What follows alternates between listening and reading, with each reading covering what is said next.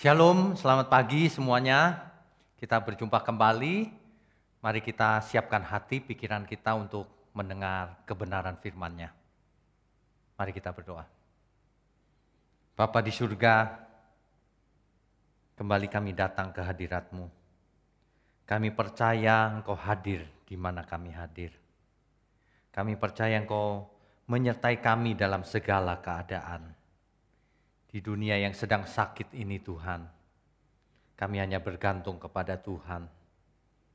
Mohon berkati channel ini agar banyak orang dihibur dan dikuatkan untuk menghadapi persoalan dunia hari ini. Sehingga mereka pun boleh menang dalam segala hal. Urapi mulut hambamu untuk menyampaikan kebenaran ini. Hanya di dalam nama Tuhan Yesus kami berdoa. Amin. Bapak Ibu sekalian, ada banyak hal di dunia ini bisa terjadi. Coba dibayangkan, bagaimana rasanya seorang pasien yang dokternya berkata begini, sudah Bapak Ibu boleh makan apa saja. Maksud dokter, Ya pokoknya boleh makan apa saja. Kenapa begitu dok? Ya begitu pokoknya. Nah ini firasat buruk nih Bapak Ibu. Artinya sudah tidak ada yang bisa dilakukan lagi oleh sang dokter. Bagaimana kalau seorang pasien menghadapi penyakit yang terminal, yang terakhir? Betapa terkejutnya manusia yang mendengar kabar itu. Tapi dalam keterkejutannya, sering kali manusia tidak berdaya. Sekalipun orang kaya, uangnya triliunan sekalipun. Apa yang bisa dilakukan?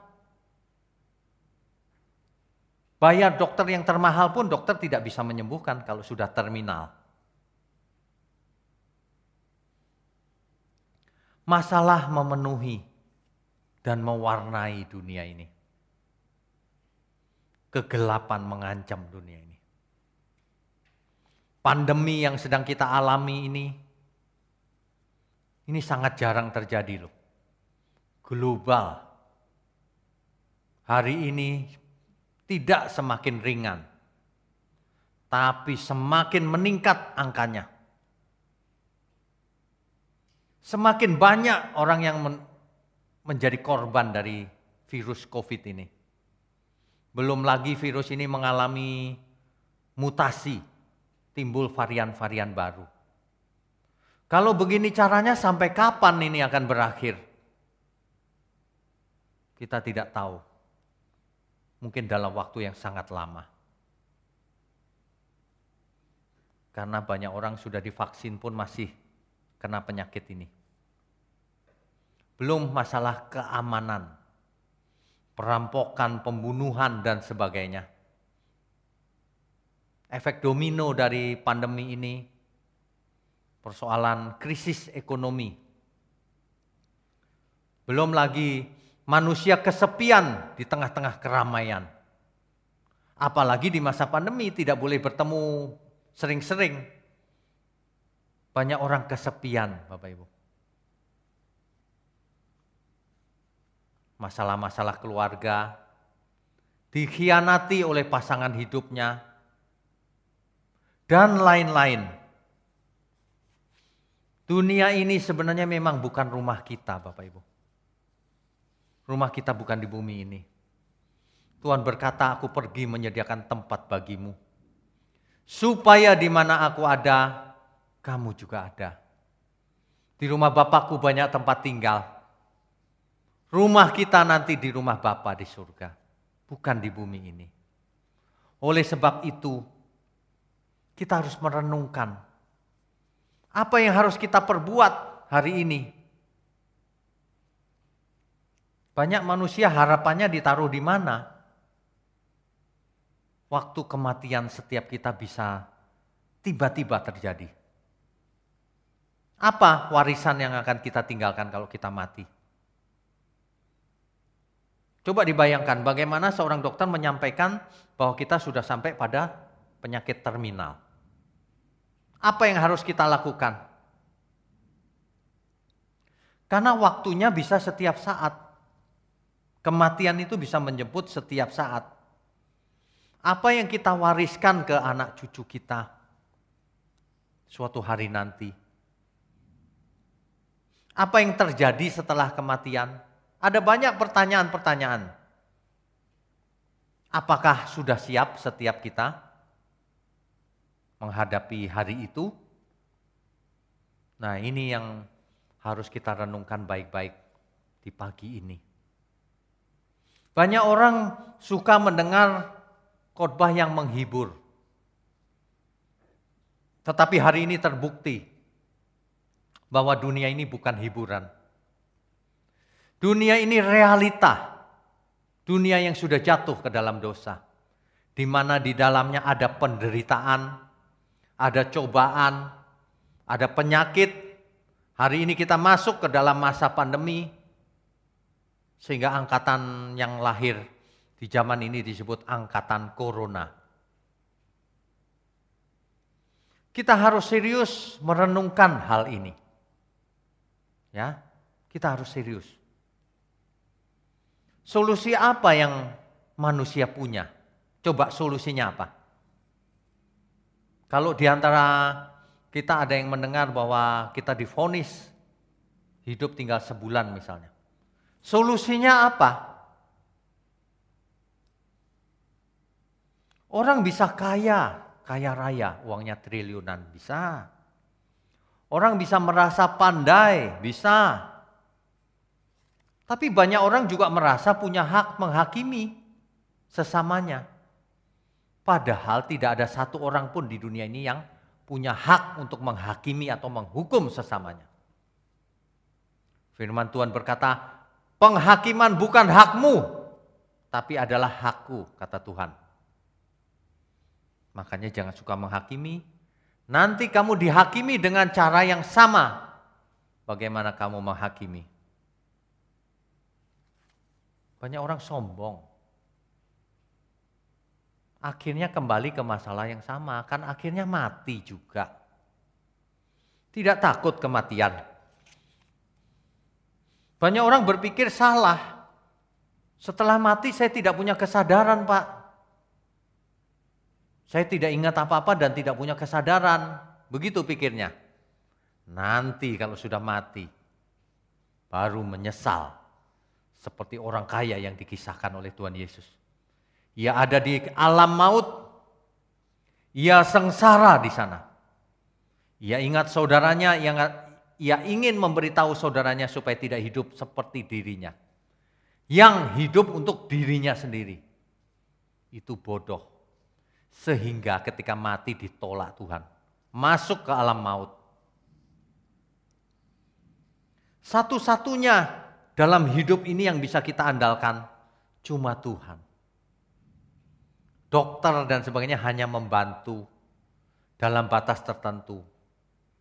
Kalau sudah akhir juga mereka tidak berdaya apa-apa. Bahkan para dokter pun mengalami hal yang sama kalau sakit mereka juga mati akhirnya. Tidak ada yang bisa kita gantungkan harapan kita. Kecuali kepada Tuhan. Kecuali kepada Tuhan. Nah banyak orang ingin mendekat kepada Tuhan. Cuma sayang. Ia tidak mendapatkan ajaran yang benar. Makanya kita semua harus belajar firman Tuhan. Disebut juga firman kebenaran, yaitu Alkitab. Dunia sedang sakit, saudara. Bukan hanya karena pandemi. Memang dunia ini sudah dikutuk oleh Tuhan sejak awal manusia jatuh dalam dosa. Dunia banyak penyakit. Ada sakit fisik, ada sakit jiwa. Macam-macam penyakit di dunia ini. Manusia masuk ke dalam situasi yang tidak enak di dunia ini. Meskipun mula-mula rancangan Tuhan di dunia ini enak. Tapi karena dosa menjadi tidak enak. Di dalam dunia yang sedang sakit ini, tidak ada yang bisa menolong kita kecuali Tuhan. Tidak ada yang bisa mengajar kita kecuali firman-Nya, firman Tuhan. Tidak ada, saudara. Makanya kita semua harus mulai sadar, berjaga-jaga, dan bertobat lagi.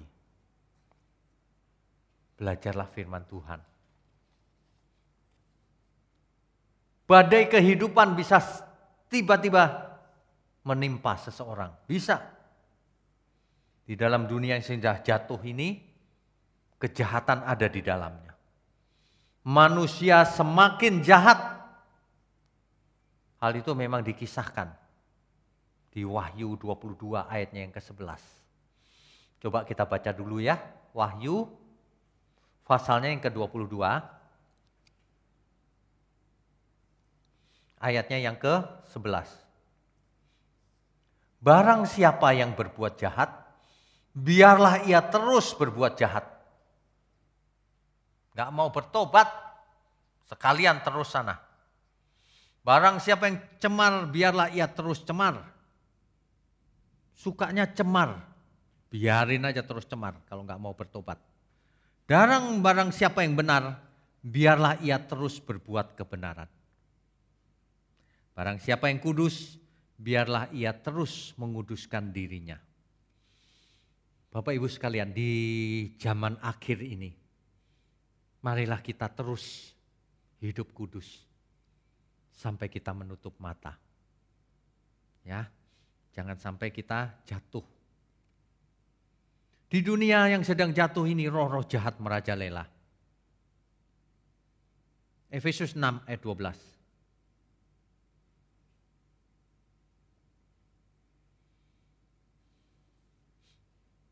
Karena perjuangan kita bukanlah melawan darah dan daging, tetapi melawan pemerintah-pemerintah, melawan penguasa-penguasa, melawan penghulu-penghulu dunia yang gelap ini.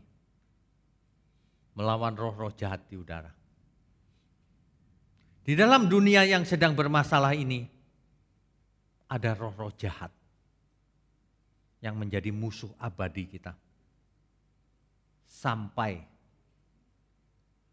Tuhan datang kembali. Belum kalau kita bicara bencana alam. Dan terakhir sekarang kita sedang ada dalam masa pandemi. Ya. Pandemi hari ini angkanya sudah dalam satu hari meledak. Banyak dari kita itu suka bandel. Diberitahu supaya menjaga kesehatan. Lengah, malah kumpul-kumpul, tidak pakai masker, tidak bergaya hidup sehat.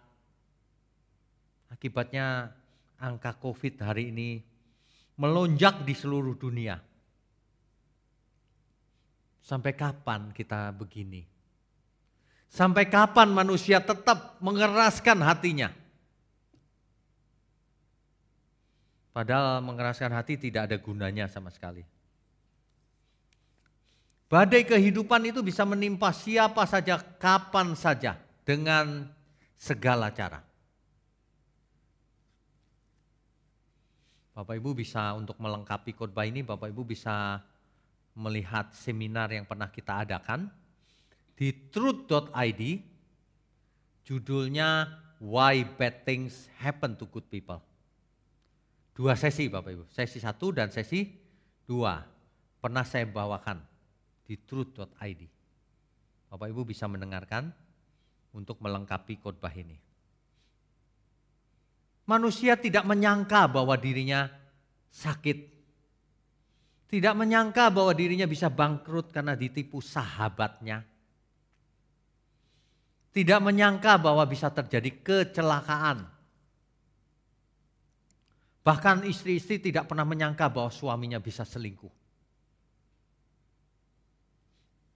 Dan istri-istri tidak menyangka bahwa suaminya yang ia percaya menjadi suami yang baik ternyata selingkuh juga. Hal ini itu merobohkan semangatnya. Seringkali suami atau istri menjadi semangatnya runtuh. Hukum alam berlaku bagi semua kita. Tidak berbeda. Tuhan saja menderita buat kita. Jadi kita tidak boleh takut menderita. Tidak boleh. Ya. Tapi jangan menderita karena kesalahan kita sendiri. Kalau itu konyol namanya. Kita tidak bersalah apa-apa, tapi kita menderita. Kenapa? Karena Tuhan. Difitnah. Dan kita harus menanggung beban orang lain. Di tengah-tengah pandemi seperti ini, bertobat semua yang pelit. Ada banyak jiwa-jiwa yang butuh pertolongan, baik fisiknya maupun jiwanya. Mereka butuh pertolongan Bapak Ibu jadilah sumber berkat. Jangan pelit lagi ya, bertobat ya. Ada banyak orang percaya yang tidak percaya bahwa orang percaya pun bisa masuk ke lembah kekelaman. Ini orang-orang yang picik pikirannya. Kita hidup di dunia ini, apa pun bisa terjadi kalau Tuhan mengizinkan. Dan Tuhan sering kali mengizinkan hal itu terjadi supaya kita semakin kuat, semakin dewasa rohaninya. Supaya kita makin dekat dengan Tuhan. Supaya kita tidak hanya berteori di pikiran kita, tapi mempraktekkan firman kebenaran. Coba kita baca Mazmur 23 ayatnya yang keempat. Mazmur pasalnya yang ke-23 ayatnya yang keempat. Pemasmur berkata demikian. Sekalipun aku berjalan dalam lembah kekelaman, aku tidak takut bahaya. Sebab engkau besertaku. Gadamu dan tongkatmu itulah yang menghibur aku. Pemasmur tahu bahwa dirinya bisa berjalan dalam lembah kekelaman, sangat mungkin. Tetapi seandainya itu terjadi, aku tidak takut bahaya. Sebab Tuhan menyertai kita semua. Itu adalah kebenaran. Banyak orang tidak tidak bisa menghayati akan kebenaran ini. Akibatnya ketika badai itu datang, jatuh manusia, tidak kuat menanggungnya. Padahal semua manusia pasti kuat menanggung penderitaan apa pun. Sebab firman Tuhan berkata penderitaan yang kita alami tidak akan melebihi kekuatan kita sebagai manusia. Coba kita baca Mazmur 73.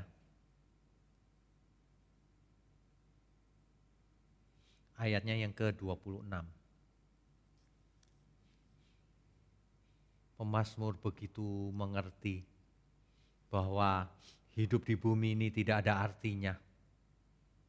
Yang penting di surga bagian kita adalah Allah selama-lamanya. Mazmur 73 ayatnya yang ke-26. Sekalipun dagingku dan hatiku habis lenyap, gunung batuku dan bagianku tetaplah Allah selama-lamanya. Amin ya.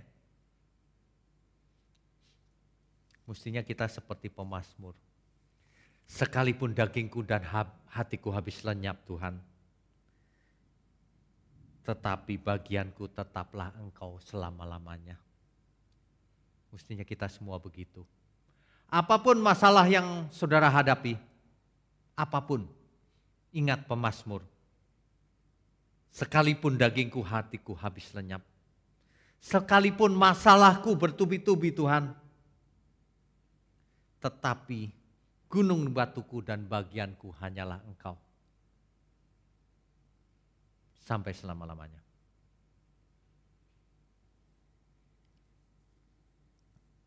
Ibrani 12 ayat 6 sampai 17. Ibrani pasalnya yang ke-12 ayat 6 sampai 17. Kita baca ayat 6-nya ya. Karena Tuhan menghajar orang yang dikasihinya. Dan ia menyesah orang yang diakuinya sebagai anak. Rupanya Tuhan meng, mengizinkan orang yang dikasihinya untuk mengalami hajaran atau sesahan. Sesahan itu pukulan dalam berbagai bentuknya. Rupanya Tuhan mengizinkan hal itu. Mengapa? Karena justru orang yang mengalami izin Tuhan untuk dicobai itu adalah orang yang dikasihi Tuhan sebagai anak. Kalau iblis diizinkan untuk mencobai Tuhan Yesus, artinya Bapa di surga sangat mengasihi Tuhan Yesus. Amin. Kalau Tuhan mengizinkan iblis untuk mencobai Ayub, artinya Tuhan sangat mengasihi Ayub. Supaya apa? Supaya Ayub mengalami Tuhan supaya Ayub timbul sebagai emas.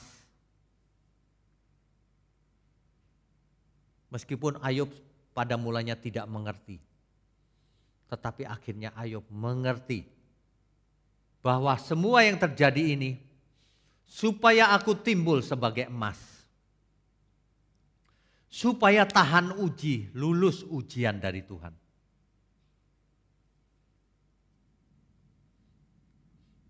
Amsal 27 ayat 17. Amsal pasalnya yang ke-27 ayatnya yang ke-17. Besi menajamkan besi, orang menajamkan sesamanya. Kalau di antara Bapak Ibu yang pernah ditipu oleh sahabat, dikecewakan dan sebagainya. Itu pun dalam rangka besi menajamkan besi. Orang menajamkan sesamanya. Supaya kita mengambil hikmat dari setiap apa yang terjadi dalam hidup kita. Supaya kita tahu bahwa dengan itulah kita mendekat pada Tuhan. Amin ya Bapak Ibu ya. Di Roma 8 ayat 28 itu jelas sekali Allah turut bekerja dalam segala hal untuk mendatangkan kebaikan bagi orang yang mengasihi Tuhan. Jadi, seperti yang dikatakan Roma 8 ayat 28, apa pun yang menimpa seseorang, apalagi orang percaya, itu selalu ada hikmah di balik itu. Seandainya kita belum mengerti kenapa ini terjadi, kita harus seperti pemazmur. Aku tidak mengerti Tuhan. Aku seperti hewan dungu. Tidak tahu apa-apa. Tapi aku mendekat kepada engkau. Tapi aku mau dekat Tuhan. Itulah yang benar. Sebab Tuhanlah gembala kita sehingga ia ada gembala yang baik. Tentu ia tahu apa yang kita butuhkan. Jadi kita tidak perlu khawatir apa pun yang terjadi meskipun kita belum mengerti mengapanya tetapi aku mau dekat Tuhan. Ada amin ya Bapak Ibu ya. Jika memang seseorang mengasihi Tuhan Yesus, maka ia harus belajar, ia wajib belajar menjadi seperti Tuhan Yesus. Itu bukti bahwa seseorang mengasihi Tuhan atau tidak. Jadi kalau dunia ini sedang sakit, itu pun dalam rangka supaya kita belajar bahwa dunia ini bukan milik kita, dunia ini bukan rumah kita. Supaya kita belajar di dalam permasalahan ini, di pandemi ini, kita mulai praktek menjadi berkat bagi banyak orang. Kita mulai mempraktekkan apa yang kita mengerti. Mempraktekkan firman kebenaran yang sering kita dengar. Contohnya, jika Tuhan berkata begini di Alkitab, jika kamu mengampuni sesamamu, orang yang bersalah kepada kamu, Bapamu di surga akan mengampunimu. Nah, kalau kita benar-benar menghayati bahwa Tuhan adalah gembala kita, maka kita akan mempraktekkan dengan segenap hati semua yang tertulis di dalam Alkitab. Kita berkata, firman Tuhan berkata, kita harus mengampuni supaya kita diampuni oleh Bapa di surga. Jangan mengeraskan hati Bapak Ibu. Jangan pernah mengeraskan hati. Karena kalau orang mengeraskan hati terus menerus dan tidak mau kembali, bisa jadi Tuhan pun mengeraskan hatimu. Sebagai hukuman. Selagi kita masih punya kesempatan di tengah-tengah dunia yang lagi sakit ini, saya sebut dunia ini sakit, baik fisiknya maupun jiwanya. Banyak orang sakit fisiknya. Kalau banyak orang sakit tentu mereka butuh pertolongan, oleh sebab itu, di tengah dunia yang sakit ini, mari kita tidak ikutan sakit. Saya tidak bicara soal sakit fisik. Mari jiwa kita dipenuhi oleh pikiran dan perasaan Kristus. Tidak ada solusi lain, Bapak Ibu. Alkitab mengatakan ada banyak sekali yang harus kita pelajari jika engkau tetap di dalam firmanku, artinya terus-menerus melakukannya, engkau benar-benar adalah muridku, kata Tuhan Yesus. Dan engkau akan mengerti kebenaran. Dan kebenaran itulah yang akan memerdekakan engkau. Ya, jadi uh, mari kita bertobat. Jangan bandel, jangan merasa sudah benar.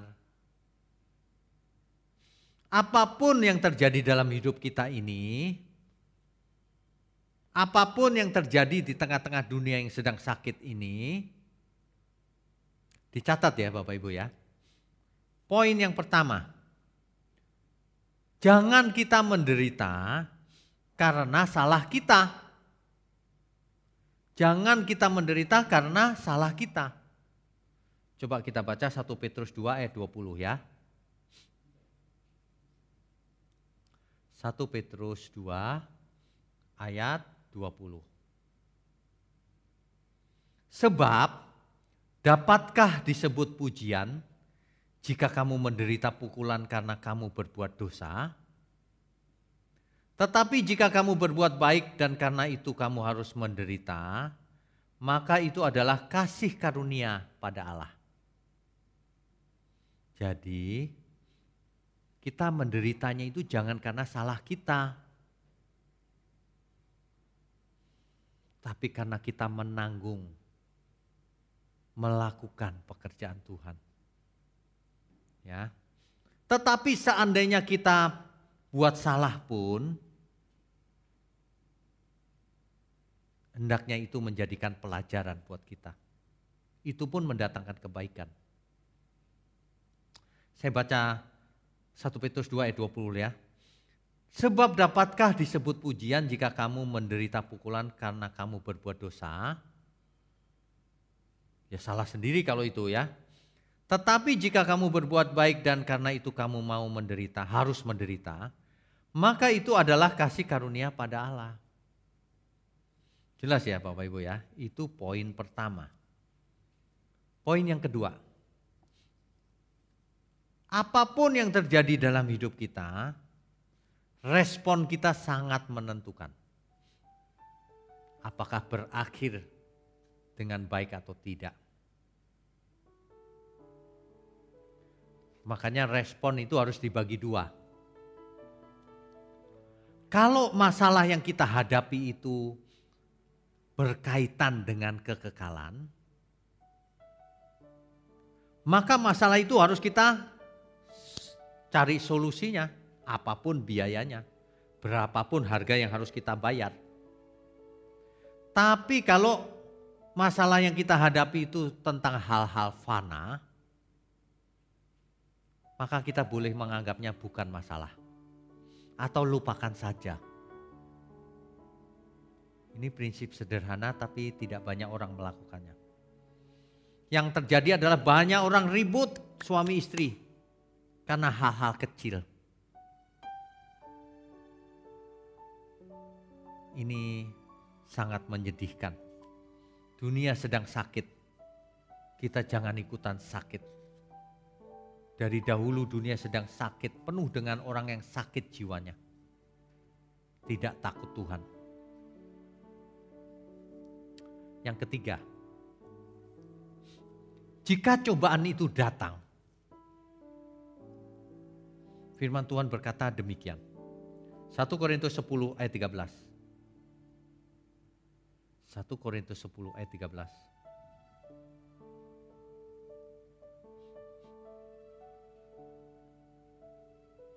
Saya bacakan ya. Pencobaan-pencobaan yang kamu alami ialah pencobaan-pencobaan biasa. Yang tidak melebihi kekuatan manusia. Sebab Allah setia dan karena itu ia tidak akan membiarkan kamu dicobai melampaui kekuatanmu. Sebenarnya semua orang bisa melampaui cobaan yang terjadi dalam hidup kita. Asal mau. Pada waktu kamu dicobai ia akan memberikan kepadamu jalan keluar sehingga kamu dapat menanggungnya. Ini Tuhan ini. Tetapi berlaku prinsip Lukas 12 ayat 48. Tetapi barang siapa tidak tahu akan kehendak tuannya, dan melakukan apa yang harus mendatangkan pukulan, ia akan menerima sedikit pukulan. Setiap orang yang kepadanya banyak diberi, daripadanya akan banyak dituntut. Dan kepada siapa yang banyak dipercayakan, daripadanya akan lebih banyak lagi dituntut. Jadi begitu Bapak Ibu. Jangan jadi kekanak-kanakan terus. Aku nggak mau menderita Pak. Jangan menderita karena kesalahan diri sendiri. Tapi kita diberi karunia bukan hanya untuk percaya, tapi untuk menderita untuk Kristus. Kita pasti menderita, tapi bukan karena kesalahan kita. Kita menderita karena diserang kiri kanan, karena difitnah, karena harus menanggung beban banyak orang, dan penderitaan itu disebut karunia. Di tengah dunia-dunia yang tidak menentu ini, yang diberi banyak dituntut banyak. Bapak Ibu yang kaya rakyat punya uang banyak dituntut lebih banyak untuk memberi. Untuk dipakai pada pekerjaan Tuhan. Untuk dipakai menolong saudara yang tidak mampu. Sahabat yang tidak mampu. Siapa pun. Kalau kita di gereja seluruh jemaat kita yang tidak mampu. Harus kita bantu, harus kita tolong. Amin ya. Kalau tidak itu salah loh ajaran itu. Makanya yang diberi banyak dituntut banyak. Yang bisa dipercaya. Dituntut lebih banyak lagi karena apa? Karena ditambah-tambahkan. Karena bisa dipercaya. Bapak Ibu sekalian, dunia sedang sakit banyak di antara kita, saudara-saudara kita, sahabat kita, teman kita sedang sakit. Semua orang mengalami penderitaan. Tapi kita harus ingat Tuhan selalu sediakan kekuatan serta penghiburan. Di tengah-tengah dunia yang semakin gelap ini dan tidak menentu. Mari kita ingat kebenaran ini, Saudara. Ya. Bahwa kekuatan serta penghiburan selalu diberikannya kepada kita semua. Kita harus ingat, harus tetap kuat harus tetap terhibur. Supaya kita juga bisa memberi kekuatan dan memberi penghiburan kepada sesama kita. Amin ya. Kekuatan serta penghiburan diberikan Tuhan padaku. Tiap hari aku dibimbingnya Tiap jam dihibur hatiku Dan sesuai dengan hikmat Tuhan Ku diberikan apa yang perlu. Kadang derita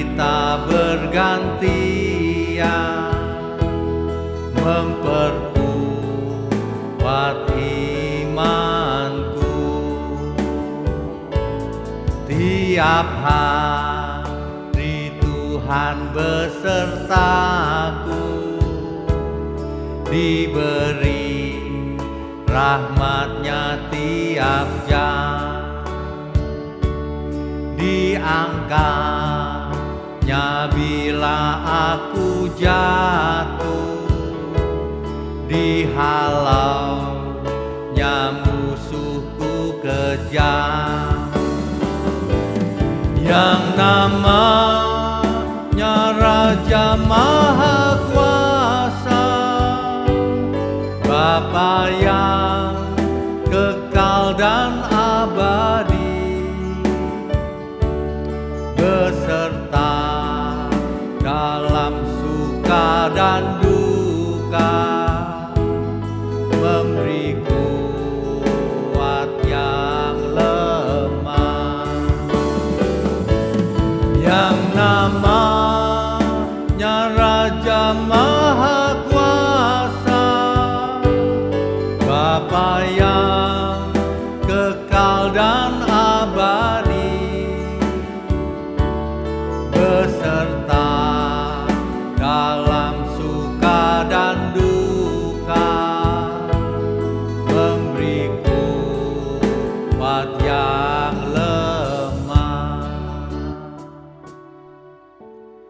Ibu sekalian kita harus kuat menghadapi segalanya. Sebab Tuhan memberi kita kekuatan serta penghiburan. Kita harus kuat dan kita pun bisa memberikan kekuatan serta penghiburan kepada sesama kita. Dunia sedang sulit, dunia sedang sakit, saudara. Mari kita menjadi berkat, mari kita menang, mari kita memenangkan jiwa dengan segala cara untuk kemuliaan Tuhan. Amin ya. Amin. Jemaat Tuhan di mana pun berada, Mari jangan menyerah, tetap semangat, jaga kesehatan, belajar firman Tuhan lebih giat lagi, sehingga kuat, dan kita boleh menjadi terang di dunia ini. Bapak Ibu yang mendukung channel ini, silakan dibagikan ke semua orang yang kita kasihi. Bapak Ibu yang mendukung dalam doa, dana, atau apa pun, Tuhan pasti berkati Bapak Ibu, kita semua. Amin ya. Mari kita tundukkan kepala. Bapa di surga, di tengah-tengah dunia yang sedang sakit, meskipun kami berjalan dalam lembah kekelaman, tapi kami tidak takut bahaya. Sebab gadamu dan tongkatmu yang menghibur kami. Terima kasih Bapa. Kami sambut segala berkat yang turun dari Bapa kita di surga, dari Tuhan Yesus Kristus, serta persekutuan dengan Roh Kudus yang memimpin kita semua ke dalam seluruh kebenaran sampai selama-lamanya. Haleluya. Amin.